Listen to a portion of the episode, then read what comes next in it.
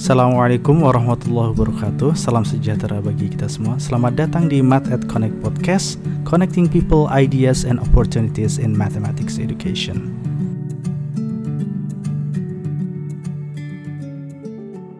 Hari ini teman-teman kita ditemani oleh Nadia. Mungkin boleh perkenalan dulu kali ya biar biar kenal semua gitu Oh, oke oke. Um, halo teman-teman, uh, perkenalkan nama saya Nadia Syifa Utami. Kemudian uh, mungkin untuk saat ini saya sedang mengenyam pendidikan S2. Insya Allah mungkin nanti sampai um, S3 gitu di jurusan pendidikan matematika di Universitas Pendidikan Indonesia. Jadi selain S2 langsung S3 ya. Oke, uh. uh, nah ini yang menjadi menarik adalah kok bisa gitu S2 langsung S3 nah boleh diceritakan nggak ini eh, kamu nih di UPI sedang S2 dan langsung S3 itu melalui beasiswa apa namanya oh. dan kurang lebih oh. kayak highlight uh, beasiswanya itu kayak gimana sih gitu Oh oke, okay. uh, eh, jadi um, alhamdulillah gitu ya saya dapat kesempatan untuk bisa menjadi salah satu awardee dari beasiswa PMDSU. Jadi PMDSU itu kepanjangannya program magister menuju doktor untuk sarjana unggul. Nah, jadi sudah terlihat gitu ya dari singkatannya kan ada doktor. Jadi beasiswa ini itu memang uh, diperuntukkan untuk sarjana unggul dan um, kita itu diberi beasiswa insya Allah sampai mengenyam pendidikan uh, doktor gitu. Nah, jadi karena sampai doktor, jadi kita di sini uh, S2 sekaligus S3 seperti itu. Jadi S2 sekaligus S3 dengan fast track. Hmm. Jadi Durasinya berarti itu berapa uh, lama? Durasinya berapa lama? Du durasinya kalau normalnya kan lima tahun ya, dua hmm. tahunnya S2, tiga tahunnya gitu S3 Betul. gitu. Nah kalau yang ini karena fast track, jadi kita dipangkas satu tahun gitu. Jadi hmm. untuk S2 S3-nya empat tahun. Luar biasa ya. Terus selain itu kira-kira nih benefit uh, dari beasiswa ini selain tadi fast track, uh, waktunya lebih singkat, langsung fokus gitu kan. Mungkin langsung fokus ke penelitian ya. Uh, selain itu uh, untuk benefit yang lain kira kira-kira apa yang mungkin di jalur reguler kita nggak nggak dapat gitu? Hmm, Oke, okay. untuk benefitnya sih lumayan banyak gitu ya karena yang pertama otomatis uh, bulanan itu uang bulanan itu pasti hmm. diberikan kemudian juga untuk biaya kuliahnya juga gratis diberikan juga dari beasiswanya hmm. dan nanti untuk tahun kedua sampai tahun keempat itu ada dana penelitian dari oh. pihak pemberi beasiswanya yang nominalnya itu maksimal untuk satu mahasiswa itu 60 juta itu maksimal seperti mm -hmm. itu. Nah, kemudian juga mungkin yang membedakan meskipun ini beasiswanya itu di dalam negeri, kita nanti uh, untuk tahun mungkin tahun ketiga atau tahun keempat itu ada program namanya sandwich like. Jadi sandwich like itu seperti misalkan kita mau exchange ataupun penelitian ke luar negeri gitu selama hmm. beberapa bulan uh, maksimal mungkin satu semester gitu. Nah nanti de, di sini kita bisa mengajukan untuk bisa ikut exchange ataupun uh, penelitian ke luar negeri ke pihak pemberi beasiswanya gitu nanti uh, dibayarin gitu dari mulai tiket pesawatnya, dari mulai tempat tinggalnya di sana, kemudian juga bulanannya dan sebagainya. Seperti itu sih. Wah, menarik banget nih. Nadia, um, boleh di-spill nggak kira-kira bulanannya berapa nih kalau kita bandingkan sama sebelah mm -hmm. beasiswa yang terkenal itu? Uh, sebutlah LPDP gitu ya. Kira-kira apakah perbedaannya signifikan atau tidak begitu? Kalau boleh uh, sebenarnya mm -mm, mungkin kalau untuk di dalam negeri itu kurang lebih sama ya karena mungkin kalau di luar negeri kan tergantung dengan negaranya gitu ya Betul. untuk bulanan. Hmm. Nah kalau untuk di dalam negeri ini jadi untuk tahun pertama itu biaya per bulannya tiga juta tujuh ratus lima puluh ribu. Hmm, lumayan banget. ya. Kemudian jadi lumayan lah untuk uh, bulanan ngekos dan sebagainya gitu kan. Udah lebih dari Kemudian cukup. nanti mm, benar. Kemudian nanti untuk tahun kedua sampai seterusnya itu naik jadi 4 juta per bulan seperti itu. Oh, mantap mantap. Ada pertanyaan lagi nih. Beasiswa ini PMSDU itu kan tadi selain kayak seolah-olah itu S2, S3 cepat. Nah, kira-kira setelah itu tuh ada ikatan dina atau ada benefit lain nggak? Misalnya apakah diberikan kesempatan langsung ada tiket gratis jadi dosen di mana gitu? Ada gitu nggak? Oh, oke. Em, kemarin itu kita sempat mengikuti pembekalan gitu ya dari Mhm. pihak pemberi beasiswanya. Oh iya, ini eh, pihak pemberi beasiswanya itu dari Dikti ya. Jadi kalau Hmm, mungkin berbeda ya kalau LPDP mungkin dari Kementerian Keuangan gitu kan. mm-mm. Nah, kalau ini dari Diktinya langsung. Nah, kemarin itu kita sempat em, menanyakan gitu tentang peluang kerja ketika kita lulus itu seperti apa. Mm-mm. Nah, untuk dari Dikti ini sebenarnya eh, ketika kita melihat track record dari lulusan PMDSU ini, itu memang kebanyakan eh, menjadi dosen seperti itu. Jadi jadi dosennya itu kebanyakan di tempat eh, mereka mengenyam pendidikan PMDSU-nya seperti itu. Nah, sebenarnya untuk sampai saat ini itu belum ada eh, yang namanya mungkin ikatan dinas lah atau langsung Hmm. diangkat jadi PNS gitu ya. Betul, untuk betul. sampai ini belum ada. Tapi eh, dari diktinya pun itu banyak yang eh, bilang kalau misalkan bahkan sebelum eh, mahasiswa PMDSU ini lulus itu dari perusahaan-perusahaan gitu ya misalkan dari lembaga penelitian atau dari perusahaan em, industri dan sebagainya itu sudah mulai mungkin dibilang Mau. ngecup gitu ya jadi Hmm, kayak saya mau yang ini, saya mau yang ini kayak gitu. Jadi sebenarnya kalau misalkan eh, teman-teman gitu ya berniat untuk bisa menjadi bagian dari mahasiswa PMDSU untuk karir ke depannya itu nggak perlu khawatir karena pertama kita itu punya banyak koneksi terutama dengan dosen kita gitu kan. Jadi nanti ketika kita mau menjadi dosen di universitas yang eh, kita eh, belajar sekarang pun itu akan diberi jalan gitu mungkin sama dosennya Mhm. dikenalin sama siapa dan lagi ketika kita juga em, berprestasi gitu menjadi mahasiswa PMDSU perusahaan maupun lembaga-lembaga em, yang di luar itu pada nyari kita gitu seperti itu sih eh, untuk gambaran karir ke depannya Oke, cool, cool. Pertanyaan yang lain yang ingin saya tanyakan ke Nadia nih adalah ini tentang eh, keunikan mencari supervisor, advisor atau promotor. Kira-kira kalau di beasiswa ini tuh kita harus nyari sendiri kayak di beasiswa lain yang LPDP, Fulbright katakanlah dan beasiswa beasiswa lain ataukah gimana nih mekanismenya?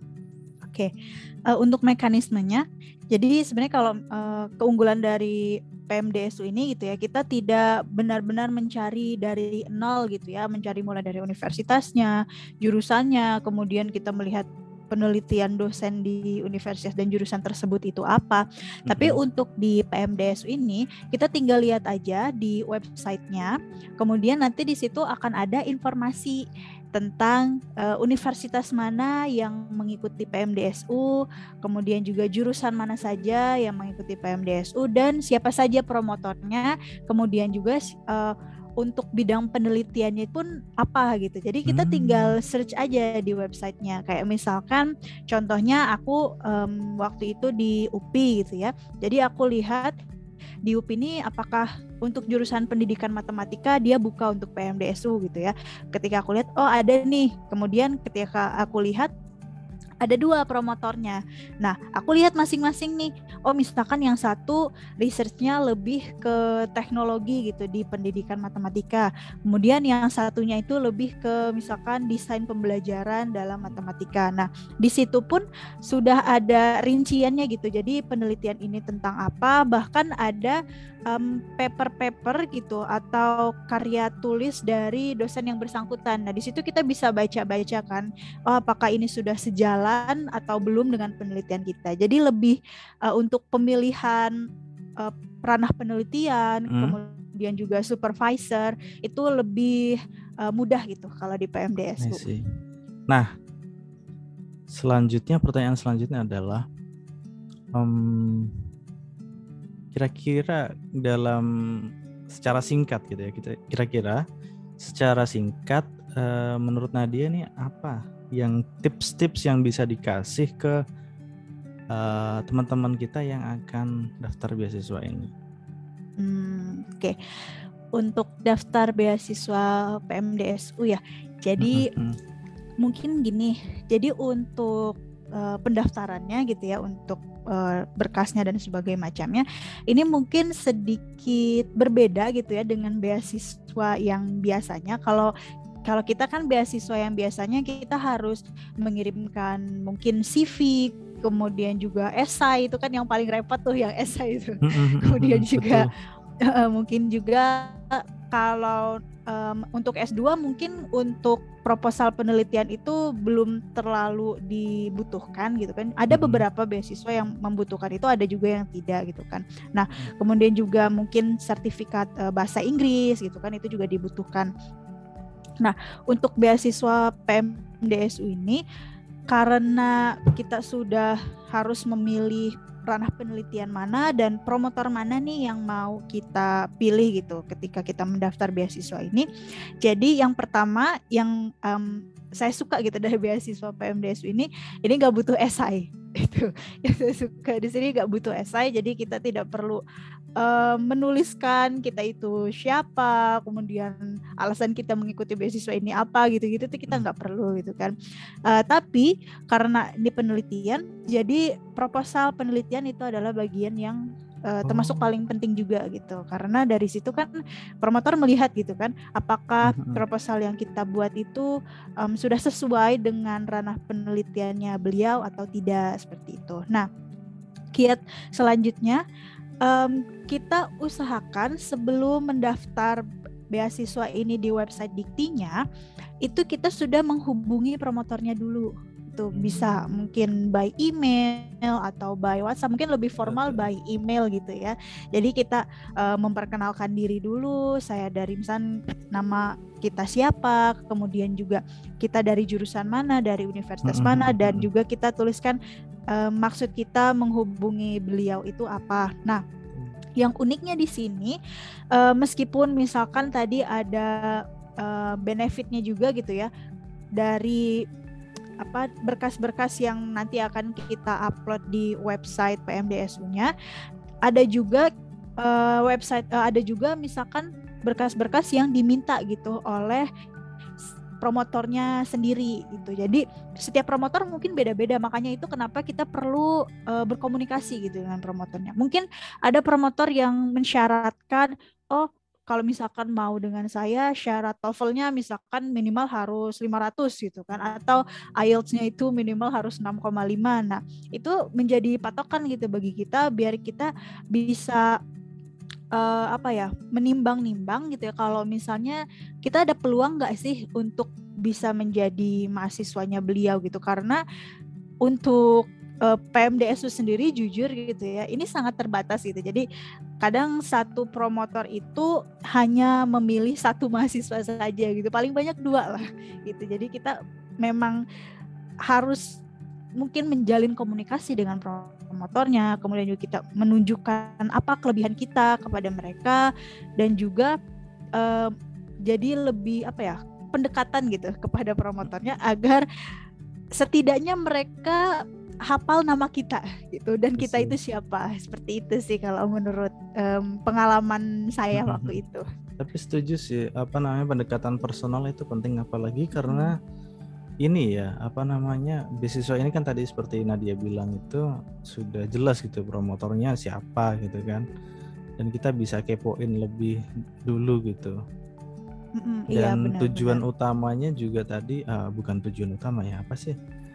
Uh, senjata utamanya adalah proposal yang mana kalau kita bisa komunikasi lebih awal mungkin dapat feedback juga tuh nggak tahu nih apakah sistemnya gimana tapi setidaknya dengan komunikasi lebih awal tuh mungkin kita bisa apa namanya curhat-curhat juga tentang um, rencana riset ke depannya itu kayak gimana gitu. Mungkin mm -hmm. kalau boleh dibilang kayak gitu.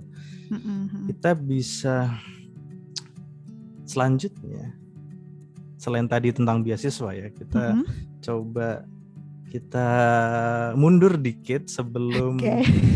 tadi kan tentang beasiswa gitu. Beasiswa tuh sebuah kayak sebuah udah keputusan, udah uh, decision yang cukup besar gitu. Nah, iya, kita tarik mundur sebelum itu ketika akhir akhir semester di kuliah S1 nih kadang kan kita bingung ya sebagai mahasiswa S1 gitu nanti karirnya itu gimana atau nanti tuh mau ngapain gitu studi lanjut karir mm -hmm. atau mungkin kalau sebagai perempuan ada saya nggak mau seksis ya tapi mm -hmm. di di culture kita masih banyak yang kayak gitu apakah pilihan yang ketiganya adalah apakah mau berumah tangga gitu. Nah, benar.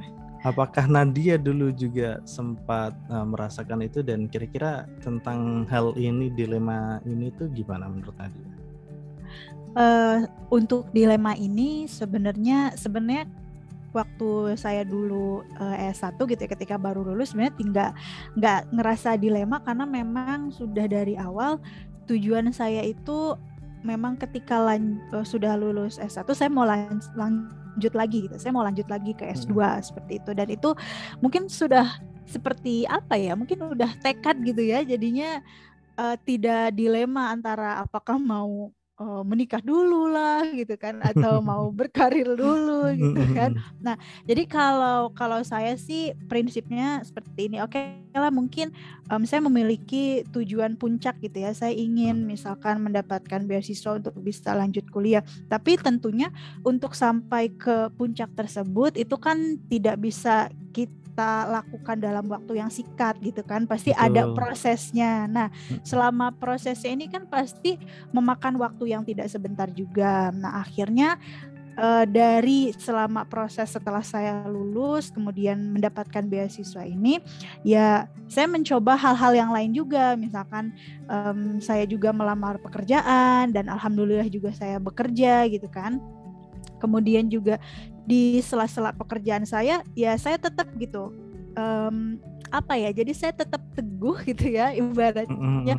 Pada uh, oh saya punya gitu mimpi yang di puncak ini jadi ketika meskipun saya sedang bekerja ada waktu gitu yang saya sisihkan untuk mempersiapkan uh, beasiswa gitu betul, jadi betul. mungkin uh, pagi sampai ya sore gitu ya misalnya saya ngajar gitu saya bekerja tapi ketika setelah sore atau malamnya gitu saya lanjut lagi mempersiapkan beasiswanya hmm. seperti itu ini kalau boleh di apa namanya dikatakan gitu ya Nadia itu punya ini apa ya idealis tapi realistis gitu ya. Iya.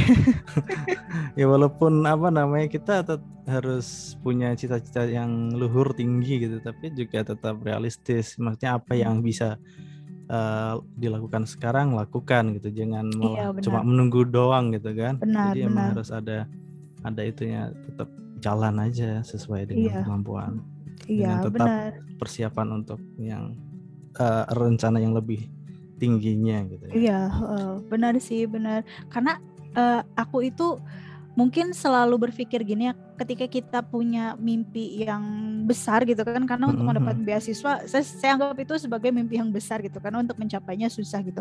Nah, tentunya ada apa ya? Mungkin kita bisa breakdown gitu loh mimpi ini menjadi hal-hal mm -hmm. kecil yang mungkin tadinya dengan kata beasiswa itu sulit digapai oleh kita gitu tapi ketika kita breakdown menjadi hal-hal kecil misalkan apa aja nih yang harus aku lakukan misalnya harus um, tes bahasa Inggris lah kemudian aku hmm. harus menulis esai menulis proposal terus mencari universitas dan sebagainya nah hal-hal tersebut kan akhirnya dari beasiswa itu um, aku breakdown menjadi hal-hal yang kecil yang lebih mudah digapai gitu kan atau misalkan satunya lagi oh untuk bisa dapat beasiswa kayaknya harus punya pengalaman kerja deh jadi nanti ketika kita wawancara itu jelas gitu kan apa sih yang uh, menjadi faktor pendukung kita memutuskan untuk lanjut kuliah lagi. Nah, seperti itu. Jadi uh, sebenarnya apa yang aku lakukan selama proses itu itu bukan hal yang sia-sia gitu, tapi justru menunjang untuk bisa mendapatkan beasiswa itu sendiri gitu loh sebenarnya. Sepertinya ada permasalahan yang saya ingin tanyakan kepada Nadia yang biasanya mungkin dialami oleh beberapa kawan kita ketika mau studi lanjut itu terganjal oleh um, entah itu restu orang tua atau dukungan hmm. dari orang tua. Nah, tentang hal ini kira-kira bagi Nadia gimana? Apakah dari awal udah didukung 100% atau pernah mengalami kayak ada sedikit keraguan dari orang tua sehingga Nadia tuh perlu berusaha untuk uh, meyakinkan? Nah kira-kira kalau kalaupun itu ada kira-kira gimana gitu caranya?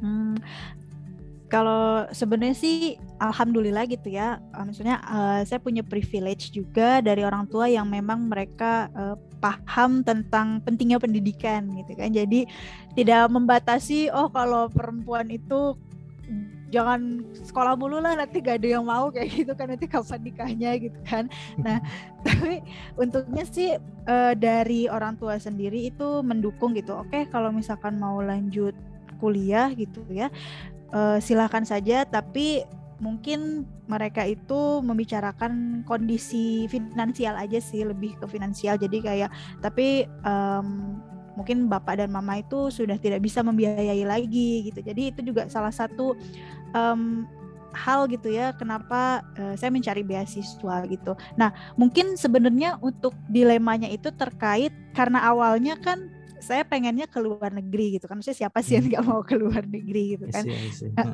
nah awalnya itu pengennya ke luar negeri tapi mungkin sebenarnya untuk orang tua sendiri itu kayaknya sih 50-50 gitu ya antara uh, silahkan boleh ataupun ah jangan dulu gitu. Udah di dalam aja gitu kan. Nah uh, kalau di sini sih jadi lebih ke mungkin kekhawatiran kalau ke luar negeri apalagi perempuan gitu ya ketika kita nanti akan hidup sendiri di luar ya kekhawatiran itu pasti ada kayak gimana nanti hidup di sana kalau sakit gimana kalau makan gimana sebagai macam kayak gitu. Nah untuk aku sih tapi solusinya aku selalu komunikasiin aja gitu sama orang tua. Ini loh benefitnya kalau misalkan ke luar negeri ini loh yang akan aku dapatkan ketika aku bisa studi ke luar negeri dan sebagainya gitu. Toh Uh, tapi aku juga nggak egois gitu. Misalkan aku kekeh gitu harus ke luar negeri aja enggak. Ketika ada opportunity untuk bisa dapat beasiswa di dalam negeri pun ya aku coba gitu. Dan Betul. mungkin karena uh, restu orang tuanya juga mungkin lebih ke yang dalam negeri, akhirnya yang beasiswa yang dapat pun di dalam negeri gitu kan ya nggak apa-apa. Itu kayak apa ya? Mungkin uh, negosiasi lah ibaratnya jadi uh, dari akunya menerima dari orang tuanya menerima dan ya udah dikasih sama Allahnya yang uh, dari kedua pihak itu tidak terbebani kayak gitu. Oke, okay, um, ini mungkin pertanyaan terakhir untuk um, episode kali ini, Nadia. Oke. Okay. Hmm, dulu Nadia kan uh, ini nggak uh, lulusnya itu waktu pandemik nggak? Iya, pandemik. Uh, Kira-kira sebagai waktu itu sebagai lulusan yang di waktu pandemik susah nggak tuh uh, mencari job opportunity atau gimana dulu? Apakah memang sulit atau malah sebaliknya justru karena COVID sehingga semuanya online akhirnya hmm. banyak job-job yang bermunculan waktu itu yang justru opportunity-nya lebih banyak mungkin video maker lah atau uh, kerja di startup startup yang uh, apa sih attack yang kayak katakanlah sebutlah Zenius, Ruang Guru, iya, iya. Colern gitu-gitu. Apakah dulu waktu hmm? begitu lulus waktu pandemi gimana tuh kira-kira uh, job opportunity, job marketnya itu gimana? Um, sebenarnya kalau untuk job market sendiri, apalagi kita di bidang pendidikan gitu ya, kalau guru itu pasti dibutuhin gitu. Jadi um, jarang, aku jarang gitu ya menemukan adanya mungkin pemecatan guru atau apa gitu ya. Jadi untuk job opportunity sendiri waktu itu aku coba install uh, aplikasi LinkedIn sama Jobstreet gitu ya. Nah di situ ternyata maksudnya gini loh ketika uh, mungkin ketika orang-orang itu berkata uh, ketika pandemi job opportunity itu menjadi berkurang gitu. Nyatanya ketika uh, aku melihat di job street kemudian juga di LinkedIn itu enggak berlimpah kok gitu loh. Job opportunity itu berlimpah mungkin uh, yang menjadi permasalahan itu adalah apakah kita itu bisa menunjukkan gitu loh kelebihan kita kemampuan kita sehingga ya recruiternya itu mau gitu meng-hire kita. Seperti itu sih intinya. Jadi waktu dulu itu aku sempat gitu kan um, kayak melamar di sekolah-sekolah gitu. Jadi aku sama teman aku nih kita jalan ke satu sekolah ke sekolah yang lainnya di kota aku gitu kan. Hmm. Terus uh, bertanya gitu sama mungkin guru-guru di sana atau pengurus di sana ada nggak peluang untuk ya dulu sih mikirnya ya udahlah jadi guru honorer dulu gitu karena kan masih awal-awal gitu kan. Nah, tapi uh, ketika kita mencari langsung seperti itu uh, kita tidak menemukan gitu. Kita tidak menemukan job opportunities itu. Jadi kayak hmm. uh, penuh. Guru guru matematika itu sudah banyak di sekolah tersebut dan sebagainya kan. Sampai akhirnya waktu itu aku sempat uh, mungkin putus asa juga gitu kan. Nih kayak kok susah gitu cari kerja. Akhirnya ya udah aku cari um, di aplikasi-aplikasi aja gitu. Jadi aku nggak oh. kayak door to door lah ibaratnya ya. Benar, Jadi benar. Nggak nah, door to boleh di spill nggak kira-kira aplikasi. Kira-kira yang dimaksud Nadia dengan aplikasi atau mungkin juga online platform gitu ya kita bisa mm-hmm. sebut secara general itu apa tuh online platformnya itu apa? Kalau boleh di spill, uh, LinkedIn itu. kah atau? Link, uh, itu di LinkedIn, kemudian mm-hmm. juga di Jobstreet di situ. Di situ ID. banyak. Uh, jadi ada aplikasinya ah. kok. Tinggal mungkin bisa download di App Store gitu ya atau di Play Store. Hmm. Tinggal klik aja Job Street gitu. Nanti di situ ya udah kita tinggal misalkan kita kan pasti mau men-setting uh, lowongan-lowongan pekerjaan yang sesuai dengan bidang kita kan. Nanti kita di situ tinggal tulis aja misalnya kita di bidang education, ya kita tinggal setting aja di bidang education, misalnya di bidang mathematics juga atau di bidang apa pun itu nanti uh, sudah otomatis tersortir gitu lowongan-lowongan pekerjaan yang sesuai dengan bidang kita. Kita tinggal tinggal milih aja nih mau mau yang mana gitu loh. Mm jadi Just, mm -mm. justru malah yang di situ yang lebih banyak ya. Kalau dulu iya. jam zaman saya mungkin belum kepikiran ya, zaman oh. tahun nggak tahu berapa itu tahun 2016 gitu waktu saya lulus yeah. tuh belum kepikiran menggunakan LinkedIn, LinkedIn seperti mm -hmm. kayaknya semua orang sekarang tuh benar-benar digunakan untuk iya, cari job opportunities tuh benar-benar di LinkedIn tuh kayak kayak dimanfaatkan banget. Iya, iya. Dulu sama. waktu saya itu masih zamannya ini lowongan tuh berseliweran di WA gitu, di grup-grup gitu, teman-teman entah dosen entah iya, siapa iya, gitu bener. kan biasanya kayak gitu mungkin sekarang di itu pun masih ada kayaknya sekarang hmm, mungkin masih.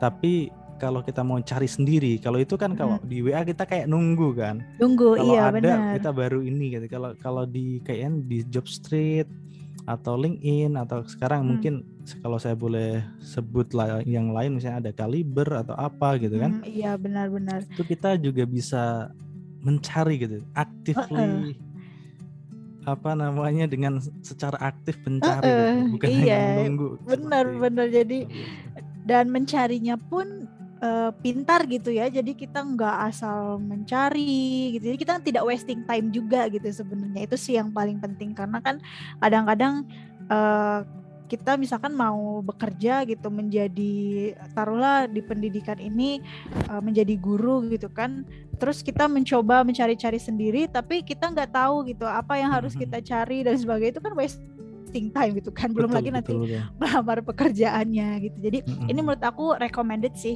karena memang job opportunity itu sekarang dari LinkedIn dari Jobsit ataupun aplikasi-aplikasi lainnya itu sangat banyak gitu jadi ketika mungkin orang-orang bilang di pandemi ini job opportunity itu berkurang Uh, menurut saya saya kurang setuju gitu karena ketika kita berniat untuk mencari ya pasti ada gitu berlimpah kok banyak gitu. luar biasa. Mungkin yang bisa saya bilang itu mungkin agak bergeser kalau dari fenomena yang tadi apa Nadia ungkapkan itu lebih banyak opportunity yang kita bisa dapatkan melalui online gitu. Kalau offline uh -uh. kayak tadi tuh agak susah ya, masih masih iya, susah gitu. benar. gitu. Kalau kita door to door gitu masih masih susah. Kalau zaman dulu mungkin nggak tahu ya kalau zaman dulu di tempat saya emang gitu kan caranya kalau mau lamar uh, kerja sebagai guru zaman dulu banget tuh nggak tahu uh, kapan itu pokoknya uh, emang ya naruh lamaran di beberapa sekolah gitu kan di sekolah-sekolah uh, iya, yang kira-kira kita mau kita taruh lamaran kalau nanti uh, mereka cocok dan lagi butuh ada ada panggilan gitu kan. Nah, Kalau iya. mungkin sekarang uh, uh, uh, skemanya berbeda mekanisme. Iya benar benar sih. Dan okay uh, efektif juga sih kita tidak buang-buang um, biaya gitu tidak tidak mengeluarkan biaya gitu kan harus ngeprint misalnya ijazah beli map segala macam yang mungkin nanti itu lamaran kita ditumpuk aja kan nggak tahu kita kapan itu dibaca gitu kan sama Betul. pihak yang apa pihak sekolahnya atau pihak perusahaannya gitu hmm. jadi efektif banget sih kalau aku cuman uh, mungkin pesan uh, aku itu ketika mau melamar pekerjaan apalagi fresh graduate gitu ya kita bicara fresh graduate yang mungkin uh, pengalamannya masih sedikit banget di bidang um, kita gitu ya. Kalau bisa kita jangan terlalu pilih-pilih pekerjaan gitu sih. Jadi misalkan misalkan uh, waktu itu kan aku jadi uh, guru atau dapat pekerjaannya itu kan di Sentul gitu kan. Sementara uh, tempat tinggal aku itu di Serang gitu kan. Jadi kayak ngapain kok jauh-jauh ke Sentul? gitu hanya untuk menjadi guru. Tapi kalau aku berpikir kayak yang penting aku punya pengalaman gitu. Gaji nggak besar juga nggak masalah gitu kan. Yang penting aku nggak nganggur. Kayak gitu sih penting betul, nganggur. Karena mungkin kalau aku um, apa ya mungkin kayak misalnya aku hanya pengen kerja di kota aku aja gitu ya. Ya mungkin sampai sekarang pun aku belum pernah dapat pekerjaan kayak gitu. Jadi harus uh, uh, harus fleksibel lah gitu intinya kayak gitu. dan mungkin bisa dijadikan sebagai batu loncatan juga kan ya. Nggak, iya nggak, bukan benar. bukan berarti ketika kita decide untuk uh, mengambil suatu pekerjaan bukan berarti selamanya akan di situ, bukan berarti uh, itulah yang akan kita lakukan for the rest of our life itu kan belum tentu juga ya. Okay. Iya, benar-benar sekali. Mungkin untuk episode kali ini uh, sampai segitu dulu. Terima kasih Nadia untuk okay, uh, waktunya. Sama-sama. Iya, sama-sama. Sibuk belajar mau uas ya, S2 nih. Oke, mungkin gitu dulu. Assalamualaikum warahmatullahi wabarakatuh. Oke, Waalaikumsalam warahmatullahi wabarakatuh.